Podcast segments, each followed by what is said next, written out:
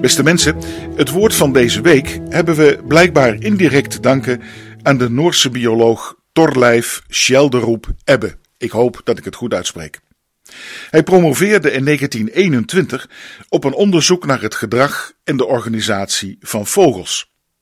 Hij hield zijn veldonderzoek lekker dicht bij huis, namelijk in zijn achtertuin, waar hij het sociale of soms asociale gedrag van zijn mooie toompje kippen bestudeerde. Nu we dan toch in lockdown zijn, kunnen we misschien onze achtertuinen wellicht ook wat meer gebruiken voor wetenschappelijk onderzoek, wie weet.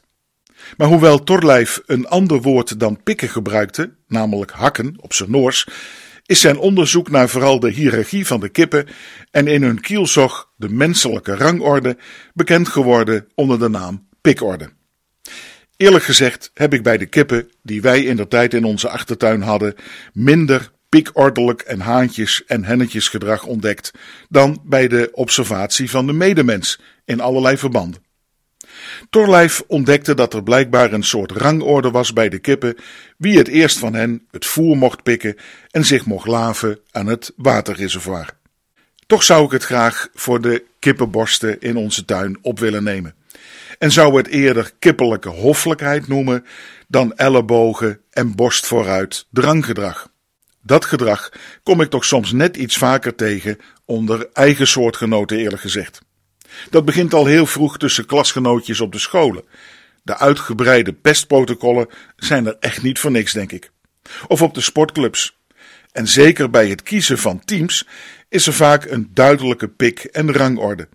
Die er bijvoorbeeld in de tijd consequent voor zorgde dat ik via die sportieve pikladder door mijn breedte stevast in het doel terecht kwam.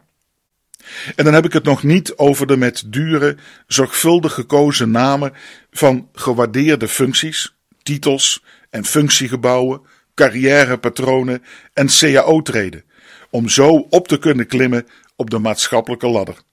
En om van daaruit dan weer op andere, op lagere treden, meewarig of jaloersmakend neer te kunnen zien. Ik mag een boon zijn als Storlijf dat gedrag allemaal ook bij zijn achtertuinkippen heeft ontdekt. Persoonlijk ben ik eerlijk gezegd niet zo van titels en rangen en standen. De waardering die ik voor mensen heb, en die is vaak best groot, zit wat mij betreft niet in wie ze zijn, maar vooral in wat ze zijn. En meer nog dan wat ze op hun titel, op voordeuren, kantoordeuren of visitekaartjes hebben geschreven. Nu zou ik het met u niet gehad hebben over de kippendissertatie van Sheldroep, waren het niet dat de term prikorde deze week ook viel. Nu er keuzes gemaakt moeten worden in de volgorde van het prikken voor het coronavaccin. En laten we maar hopen en bidden dat het zijn heilzame uitwerking mag hebben. Maar welke prikorde moet er nu gemaakt worden? En op basis waarvan? Welke criteria zullen gelden? maatschappelijke, gezondheidskundige, ethische of misschien wel economische belangen. En hoe zorgen we voor een faire verdeling van de schaarse vaccinmiddelen? Een boeiende vraag dus wie er als eerste als de kippen bij mag zijn. En toch, bij dat soort vragen zou ik graag ook iets vanuit het evangelie willen laten horen. Ik hoor u al denken, jazeker, de eerste zullen vast en zeker de laatste zijn. Maar of dat ook hier verstandig is, lijkt me ook weer niet. Hoewel, misschien kent u dat prachtige verhaal wel uit de Bijbel: dat er een koning in Israël gekozen moest worden en dat de in de rij stoere knapen van sterke broers de keuze uiteindelijk niet viel op basis van leeftijd, op stoerheid, maar op basis wiens hart het meest gericht was op de Heere God en de medemens. God die dus ons hart aanziet en ons niet op onze buitenkant en naar titels en rangorde en functie beoordeelt, of naar menselijke maatstaven.